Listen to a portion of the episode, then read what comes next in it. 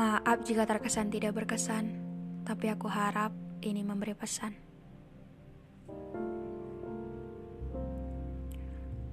Setelah kepergianmu, duniaku makin kosong.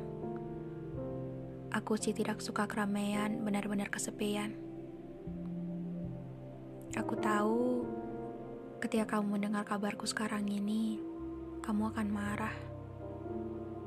Iya, aku ingat pesanmu untuk harus tetap bahagia dan lebih mandiri.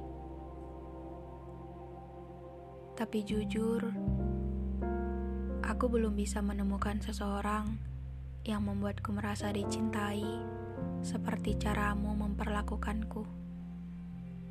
Cuma kamu,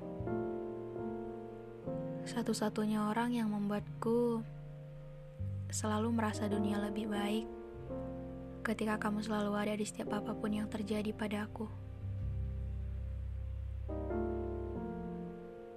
Kamu satu-satunya seseorang yang selalu menenangkanku dengan pelukmu itu. Kamu sih tidak banyak berkata, selalu berhasil membuatku merasa nyaman bersamamu. Dan caramu memperlakukanku itu tidak kudapatkan di orang baru yang kutemui. Iya, aku tahu setiap orang punya hangatnya masing-masing, punya cara membahagiakannya beda-beda. Tapi sampai detik ini, cuma kamu yang tahu cara itu. Aku sudah mencoba untuk ke mana-mana sendiri semenjak kamu tidak ada lagi di sini. Bisa, tapi rasanya hampa. Ketika berjalan sendirian, tidak ada lagi seseorang yang menggandeng tanganku seperti yang kamu lakukan dulu.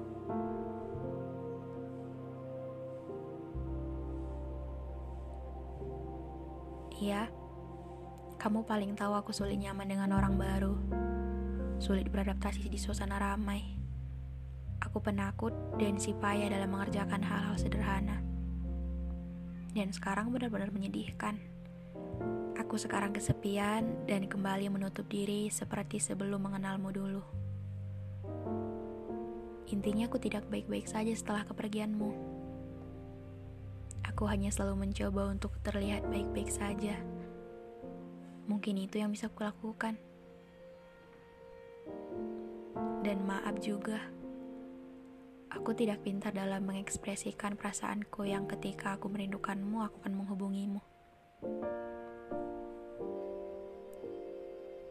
Kamu tahu kan? Aku tidak bisa melakukan itu. Karena aku memang tidak nyaman dengan sebuah dering panggilan telepon. Tapi aku akan terus mencoba untuk lebih baik ke depannya. Lebih ber, lebih terbiasa dengan keadaan baru yang harus diterima ini.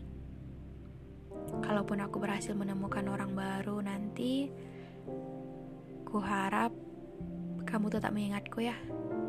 Dan jangan berpikir bahwa aku yang nantinya melupakanmu.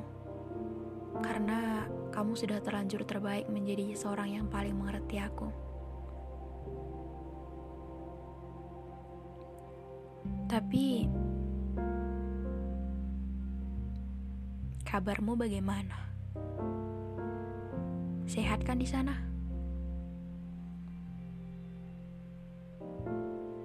Jangan lupa makan ya. Jangan keseringan begadang. Ingat, aku selalu menyayangimu. Aku selalu mendoakan yang terbaik untuk bahagia kita berdua nanti ke depannya. Semoga di masa depan nanti kita bisa seperti ini lagi.